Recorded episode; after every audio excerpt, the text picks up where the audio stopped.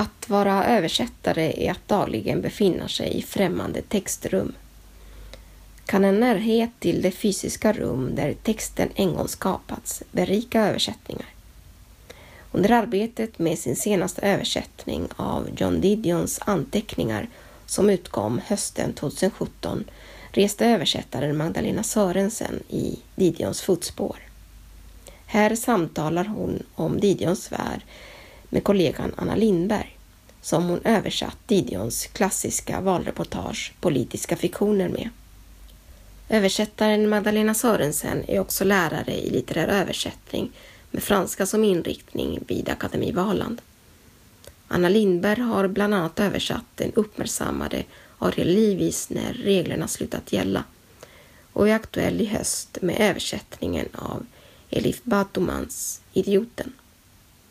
Samtalet med titeln I Didions fotspår hölls den 30 september 2017 i Rum för översättning. Arrangör var Akademi Valand, Göteborgs universitet. Varsågoda och lyssna. Nu är klockan 11 och vi ska ha nästa samtal här i Rum för översättning. Det är översättarna Anna Lindberg och Margareta Sörensen som en gång har... Magdalena. Magdalena. Det var mitt första misstag. Magdalena Sörensen. Som tidigare har faktiskt översatt John Didion ihop.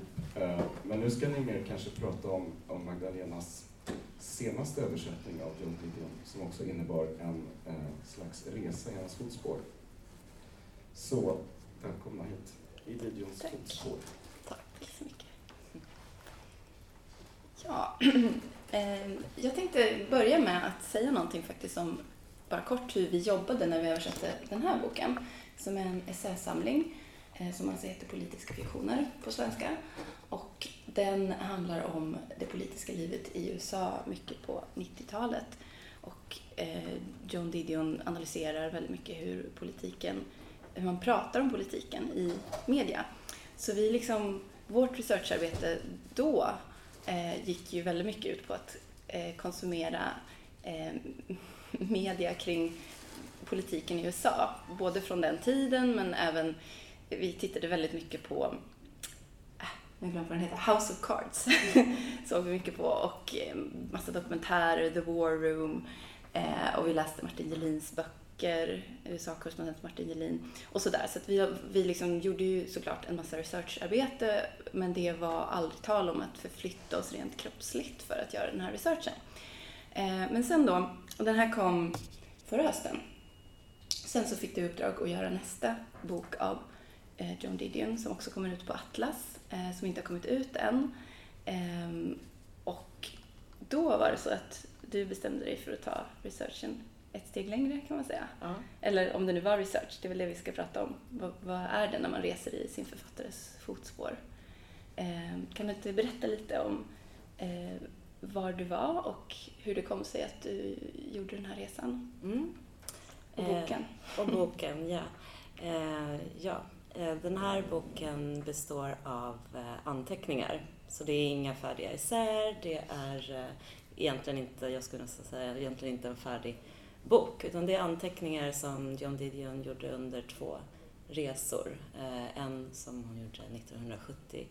Hon åkte ner till eh, amerikanska södern och ja, bilade runt där och iakttog platser och människor och, och tog anteckningar helt enkelt. Ehm, och sen sex år senare så åkte hon, var hon utsänd till San Francisco för att bevaka en rättegång med, mot, eh, äh, rättegången med eller mot Patricia Hearst. Ehm, och istället för att skriva så mycket om den så började hon skriva om sitt eget Kalifornien för att hon är född och uppväxt i Kalifornien. Ehm, och dessa anteckningar har, leg- har legat tills nu de publicerades i vintras i USA. Och, ehm, ja, så det är boken. Ehm, och eh, så fick jag uppdraget att översätta den, vilket jag gjorde under våren. Och ungefär i mitten av, eh, när jag var halvvägs kanske, jag, jag höll på i två, tre månader, eh, sedan när jag hade ungefär ett, ett eh, första utkast så åkte jag iväg Mm. Eh, så, och jag gjorde lite i omvänd, eller omvänd ordning, men jag, började, jag åkte till, till San Francisco först och var i Berkeley en vecka där jag hyrde en, del av ett hus hos en amerikansk översättare som heter Catherine Silver. Så där, där satt jag och jobbade och sen tog jag tåget eh, så genom landskapet eh, som är väldigt viktigt för John Didion, det kaliforniska landskapet och sen flög jag till New Orleans eh, och var där en vecka, vilket hon inledde sin södermånad med, att vara en Mm. vecka i New Orleans. Så där liksom mötte jag upp henne för att hon var där just i juni, det var jag med. Mm. Eh, så där, där hade jag också fått, eh, vilket är en viktig del till att jag faktiskt genomförde resan, var att jag hade, eh, det är en amerikansk författare, Nathaniel Bridge, som har skrivit förordet till den amerikanska utgåvan och han kan John Didion och känner John Didion. Så han har skrivit om, om boken och jag känner honom för att jag träffade honom på ett översättarresidens i Kanada, i Banff, för några år sedan. Så jag fick en inbjudan att vara hos honom en vecka också. Så det bidrog till att jag gjorde resan. Så apropå om det ehm, var en researchresa så var det det i, i viss mån. Ehm, Men det var också så att jag, liksom det är så många faktorer, eh, det kanske alltid är när man eh, bestämmer sig för att göra en resa, jag vet inte. Mm. Men jag hade själv haft i vintras en, liksom, som jag upplevde kom från ingenstans, en längtan till Kalifornien. Eh, kanske var det eh, vintermörkret som gav mig denna längtan eller att jag, jag skriver också själv och jag skriver om ganska tunga saker så jag hade en längtan. Jag, tror- jag, jag gissar att eh, Kalifornien stod för något slags ljus och kanske något eh, avlägset. Mm. Och eh, så hade jag sagt upp mig från ett jobb som höll mig kvar här i Sverige och jag hade samlat ihop lite pengar och jag fick denna inbjudan till New Orleans som jag kom på att jag faktiskt inte kan tacka nej till. Och jag tänkte också att dessa två personer som jag skulle då ha i min närhet under mina vistelser skulle kunna hjälpa mig lite också med jag har ofta saker som jag, ord som jag behöver reda ut i en översättning. Eh, så, så det var väl lite resans varför och, och innehåll kanske. Jag tänker att det ofta är så som översättare, att det är svårt att renodla. Liksom, jag, gjorde, jag åkte dit för att jag ville ta reda på det och det. Utan att det är liksom, som alla liksom konstnärliga eh, yrkesutövningar, att så är det liksom insyltat i ens andra liv. Och det är fint att, att höra det. Att det, det var en researchresa, men det var också en resa som gjorde en massa andra saker. Kanske.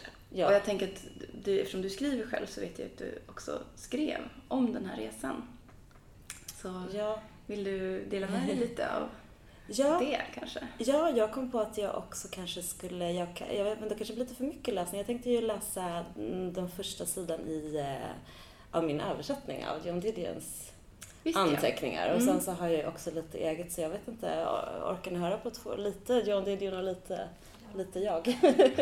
Ja, Ja, okej, vi- jag orkar. Okej. Ehm, då läser jag första sidan från eh, ja, John Didion kommer till New Orleans 1900, juni 1970. New Orleans. I juni är luften i New Orleans tung av sex och död. Inte våldsam död, utan död genom förfall, röta, förruttnelse. Död genom drunkning, kvävning, feber av okänd orsak. Det är fysiskt mörkt, mörkt som negativet till ett fotografi, mörkt som en röntgenbild. Atmosfären absorberar sitt eget ljus. Ljuset reflekteras aldrig utan sugs upp och får olika föremål att avge ett makabert sken. Kryptorna ovan jord dominerar vissa vyer. Den hypnotiska flytande atmosfären får all rörelse att sakta ner till koreografi. Människorna ute på gatorna rör sig som om de fångats i en förrädisk emulsion och det tycks endast vara en teknisk skillnad mellan levande och döda. En eftermiddag såg jag en kvinna dö på St. Charles Avenue. Hon föll ihop över ratten i sin bil. Död, konstaterade en äldre kvinna som stod bredvid mig på trottoaren, bara någon decimeter från det ställe där bilen hade slirat in i ett träd. När ambulansen kom följde jag efter den gamla kvinnan genom det vattniga ljuset i garaget på Pontchartrain Hotel och in till kaféet. Dödsfallet hade verkat allvarligt men ändå vardagligt, som om det hade inträffat i en förkolumbiansk stad, där döden var väntad och i långa loppet inte hade någon större betydelse. Vems fel är det? sa den gamla kvinnan med släpande röst till servitrisen, servitrisen på kaféet. Det är inte någons fel, Miss Clarice. Nej, de har ingen kontroll över det. De har ingen kontroll alls. Jag trodde att de pratade om dödsfallet, men det var vädret de pratade om. Um, ja, ska jag bara fortsätta med, med, med lite av mina ja, egna... det tycker jag att du kan göra jag ger, faktiskt. ger lite av mina Ja. egna anteckningar också. Ja. Okej. Och eh, här är det jag som är i eh, Berkeley. Jag tackar ja till en promenad upp i bergen. Vi kliver rakt in i South and West. Träden jag bara känner till som ord och små bilder via Google står plötsligt framför mig. Live Oak och Redwood.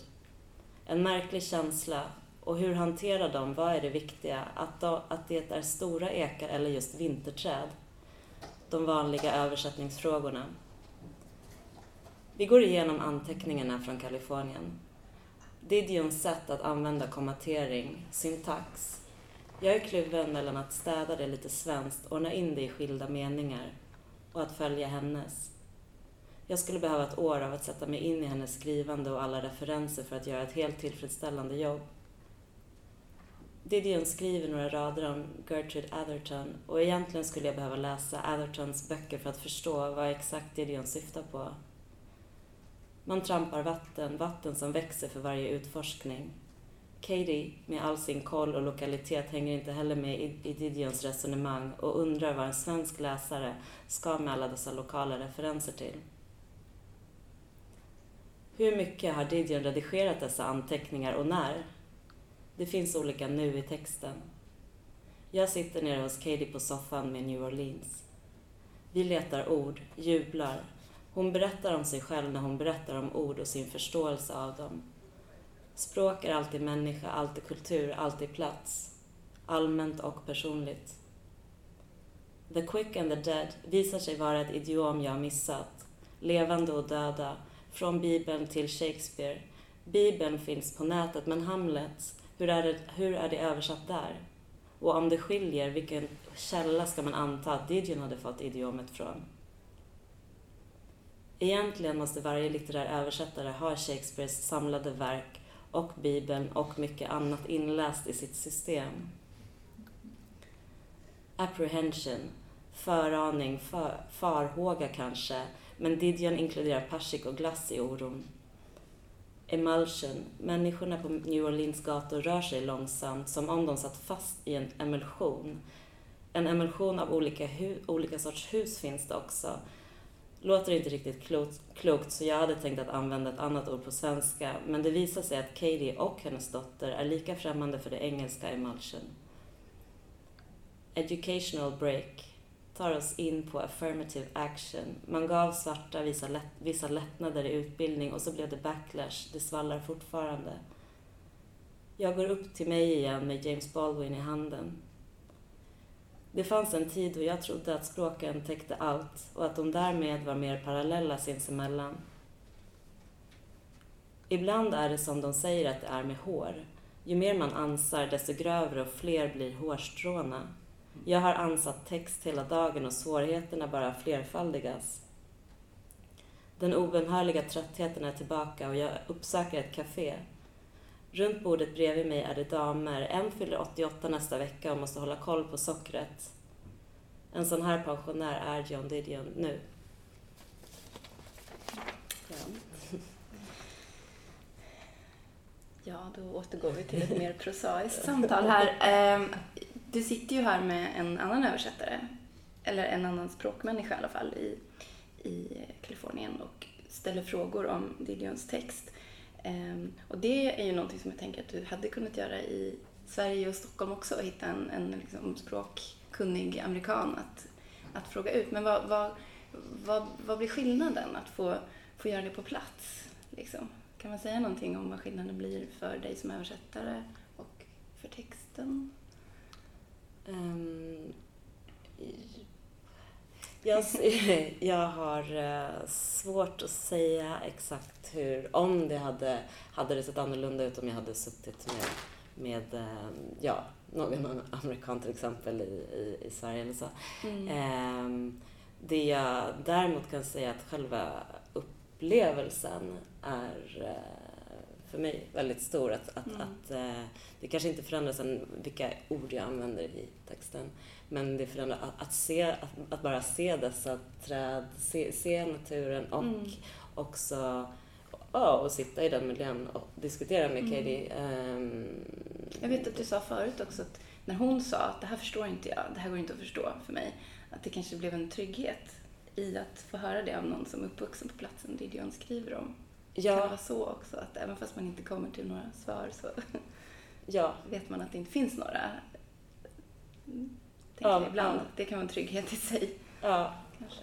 och man kan, Mm. ja, att man liksom aldrig riktigt kan, kan veta. Kanske någon annan person skulle förstå. Man kan inte gå runt heller och fråga hela världen. Nej, Så, någonstans eh, måste man sluta också. Ja, ja, så det var liksom Mm. det, det som är mest påtagligt för mig är själva upplevelsen för mig att jag, jag lär mig massa saker. Så, Mm, Men sen mm. vad det exakt gör för spår i texten är svårare. Nej, nej. svårare Det är att som säga. att liksom marinera sig lite i en plats kanske. Som man inte kan sätta fingret på exakt var, var förändrades jag av det här? Eller var förändrades texten av det? Och det är så jag också, jag tänker, eller för mig är översättning så mycket mer än just själva eh, arbetet med texten. För mig Mm. är det hela tiden just det som du eh, började med att säga, allt det vi Mm. gör runt omkring, all, all, allting när vi gör re, re, kanske ibland ren research och ibland Mm. bara okej men jag tittar på de här filmerna och får se det kanske Mm. dyker upp något eller jag kanske får lätt att bara komma in i ett särskilt vokabulär, Mm. jargong, miljö, vad det nu kan vara. Eller, eh, Mm. så. Eh, det och att ibland när man har chansen resa och just i det här fallet så var ju platserna eh, mycket av bokens innehåll. Så, Mm. så, ja. Mm. Eh, Du slutar ju den här läsningen med att du föreställer dig Didion som pensionär. Jag tycker det är eh, fint för att det tydliggör på något sätt eh, jag menar att man kanske tänker på författaren som en fysisk kropp i på en fysisk plats eh, ibland när man översätter. Och jag tänker att det kanske blir extra tydligt då när man gör en resa. Ehm, och jo, det var det jag tänkte säga att eh, jag vet att du också i Berkeley uppsökte ett arkiv som har hennes eh, maskinskrivna manus som inte finns med i boken. Eh, där du också fick titta på liksom hennes eh, kvitton där hon har klottrat ner saker och sådär. Ja, kan du inte berätta lite om, om det? Eh, vad, vad det gör att... För jag tänker att det är lite som att du sätter dig i Didions kropp nästan när du gör de sakerna. Eh, Jo. Vad, vad handlar det om? Jo, jag nästan kände mig lite sådär läskig när jag gjorde för det hade ingenting med min text att göra. Eh, väldigt långt bort från. för som sagt, hennes, de har bevarat hennes, de har liksom ofta flera, hennes eh, utgivna böcker i flera alltså versioner. Eh, så. Mm. Eh, men inte, de här anteckningarna har ju som sagt förmodligen legat i någon, någon annanstans, en byrålåda Mm. eller någonting. De har inte publicerats tidigare så det är bara eh, publicerat material som ligger Mm. I de där arkiven. Så det, ja, nej, jag var lite bort ifrån min text men, men det var Mm. mycket det resan var också. Det, jag Mm. satt kanske, jag vet inte, nästan hela arbetsdagen. Jag, satt jag, jag jobbade mycket med översättningen och tog språkhjälp men jag också liksom gick runt och lyssnade på platserna, pratade lite med folk och gjorde sånt Mm. här till exempel och skrev själv. Så det var mycket Mm. jag gjorde under, jag var borta två veckor och eh, gjorde väldigt mycket. Mm. Eh, men i alla fall, det var fantastiskt. Eh, jag passade på för att hon gick, eh, hon läste sina fyra universitetsår på Berkeley. Eh, och sen var, jag tror att det faktiskt, jo, det var när jag var där som jag, ja men höll på att läsa omkring sådär, Mm. omkring henne och texten så, Mm. så upptäckte jag att hon hade eh, donerat eh, sju kartonger med alla hennes, eh, jag tror alla hennes manus eh, Mm. fanns där.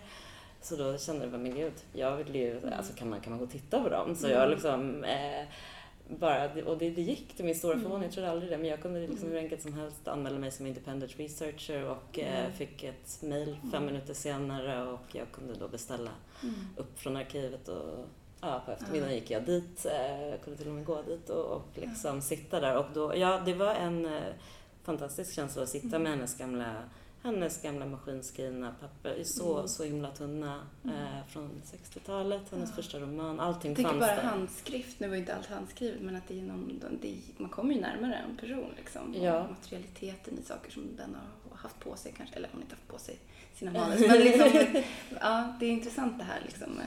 Ja, för annars är det ju tryck, Ja. tryckta böcker och som Mm. finns i liksom miljarder exemplar. Men där sitter jag med någonting, Mm. det finns bara detta och gud, de, de Mm. här, det här pappret har funnits sedan 60-talet och Mm. hon har sen strukit Mm. och, Mm. och s- ibland skriver, eh, jag kommer inte ihåg, men ibland skriver keep och sen så hon Mm. är ju, eh, det delar jag med henne, eh, Mm. den här eh, fobin för ormar. Hon har en fantastisk fobi för ormar också.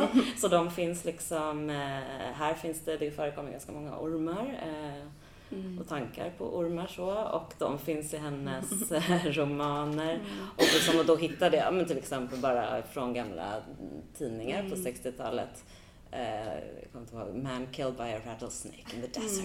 Mm. Och sen har hon skrivit med rött så här, rattlesnake. Och sen så när jag läser sen någon vecka senare romanen så, så får jag läsa de här scenerna som kommer ur hennes då. Alltså det var, jag kände mig Mm. väldigt nära och plötsligt. Jag har en in- inköpslista på mat. eh, All, Mm. Allt var lite Mm. där så eh, i, i de här eh, i då, jag, jag fick, man fick bara beställa upp en låda från arkivet Mm. i taget så då tog jag den eh, första hennes tidigaste grejer. Så, men så det var Mm. bara, det var en känsla, eh, det var bara allmänt fascinerande Mm. och berörande Mm. och ja, Men, ja. känsla av att komma lite närmare. Ja men precis, jag tänker på det att man ofta, jag i alla fall som översättare kan känna att det, det måste ju bara vara positivt att få veta så mycket som möjligt, komma så nära som möjligt. Men, men särskilt nu i den tid vi lever i så kan man ju verkligen komma väldigt nära och jag tänker att finns det då, ja men ett exempel, eh, den senaste boken som jag översätter som kommer ut nu om en vecka som heter När reglerna slutat gälla, eh, den författaren eh, finns på Instagram också. Och hon skriver om en relation i boken som man aldrig får veta hur det går. Får de varandra eller inte? Det är inte riktigt det boken handlar om. Och sen bara så råkade jag liksom på Instagram hitta det här paret som, som, hon då, som hon är intresserad av i boken. Och bara, nej men var det så han såg ut? Och de blev ihop. Och jag tänker så här, vad, vad, det skulle kunna vara så att, man, att verkligheten tar över också. Att jag då tänker, nej men jaha, han hade ju silvergrått hår, inte liksom, vad vet jag, svartgrått som hon kanske skrev i boken. Men det skulle kunna vara så att hon ville, det är en fiktion liksom. Och i hennes fiktion så, så var det så, men på Instagram så är det på ett annat sätt. Alltså finns det en, finns det en risk med att man eh, som översättare följer verkligheten eh, liksom, för mycket? För det är ändå texten som vi översätter. Mm, precis, och även när det är, Mm. det här är ingen roman, men det är ju fortfarande Mm. en litterär, eller det är anteckningar så jag vet inte om man ska Mm. sk- kalla det litterär text, men det är ju fortfarande texten. Det är inte Mm. så Nej, verkligheten, ja, utan det är som hon har skrivit ner och formulerat det här som Mm. det är. Inte sen vad jag eventuellt ser på Nej. Instagram eller när jag går gatan i New Orleans 50 år senare. Eh, så att ja, det, det, det, det skulle ju kunna hända att man, alltså att man får ju hålla en gräns där. Mm. Eh, och den där eh, gränsen, jag vet inte om det här har med saken att göra, men jag märkte, alltså nu har jag berättat om min liksom nernördning här, att jag går till arkivet och gör helt för eh, min översättning kanske irrelevanta saker, men att liksom Mm. komma nära och så. Eh, men jag märkte att sen när jag var veckan efter Kalifornienveckan när jag var i New Orleans och satt med Nathaniel Mm. och han, liksom, vi började prata om texten apropå någonting och Mm. så, och så började han liksom säga någonting om att ja, men den här månaden när de, för att, och jag hade knappt tänkt tanken, alltså hon åker runt med sin man. Han nämns typ inte. Eh, så. Eh, knappt. Eh, så, men hon nämner att, ja, ja, jag tror det var John som körde bilen, men här, eh, resten är det nästan bara jag, jag, jag. Eh, som, Mm. Så jag glömmer bort att han finns. Mm. Eh, Mm. men så säger Nathaniel att liksom, jag kommer inte ihåg hur han formulerade men någonting om att det, det kan ha varit så att de, de verkligen bråkade hjärnet hela den här månaden. Det var kaos. så, och, och jag kände på en Men har bara, han fått den informationen av henne då? Alltså jag vet inte, men jag var bara såhär, men så jag, på ett vill, annat jag, vill, jag ville liksom inte veta och där kände jag att jag hade en jättetydlig gräns. Jag är inte intresserad av henne som privatperson. Nej. Och det här kanske låter jättekonstigt när jag liksom Ja. håller på och springer efter henne så här. På hennes gamla universitet och grejer och bara åh, Didion 22 år gick Ja. här, började jag så här. Och så, men sen plötsligt Mm. när han där kände jag så här, aha, nej, Nej. så där, nej det vill jag, det- ja. ja. där vill jag inte veta mer. Jag Men det kanske är en viktig gräns där, att man kan grotta ner så mycket som helst i eh, det liksom professionella. Det är ju det du har gjort. Liksom. Du har ju spårat hennes professionella eh, skrivande, kan man säga. Eh, men, men när det kommer liksom, ja, men det privata, det har inte med texten att göra. Nej. Eh, så. Det är en Nej. viktig skillnad, Det lilla hon ger ju Mm. bara, hon liksom beskriver miljöer eller samtal eller vad det nu kan vara. Sen så ibland kommer någon liten bara, eh, någonting personligt. Mm. Eh, till exempel, oj, om jag hade bott här i Södern, gud vad jag hade varit excentriskt och gud vad jag hade varit arg. Hade jag gjort någonting, eh, hade jag engagerat mig i någonting utifrån den ilskan eller hade jag bara stuckit kniven i någon, helt enkelt. och sen så fortsätter hon, liksom, det är ju Mm. så hon eh, gör, så att hon ger ju lite Mm. men det är ju inte liksom, ja, resten så är hon ju bara Mm. som någon slags eh, svepande kamera nästan. Mm. Mm. Eh, och så var det ju lite i Mm, politiska fiktioner också, Mm. tänker jag. Att, Precis, jag tänkte faktiskt fråga det. Eh, för som sagt, eh, vår research där hade ju väldigt lite att göra med att liksom sätta oss in i John Didions känsloliv eller något sånt. Eller, eller tänk, alltså den, den är väldigt abstrakt, den rör sig i en, i en liksom eh, den heter ju till och med politiska fiktioner så att den, den är, ju- det är en metaverklighet för den handlar om medierna. Liksom. Eh, men nu, skulle du se annorlunda tror du på, på den boken? Nu när du ändå liksom gått i hennes fotspår och mer... Oj, måste vi börja avrunda kanske? ja, ja, men det är Så, men svara på sista Ja. Ja.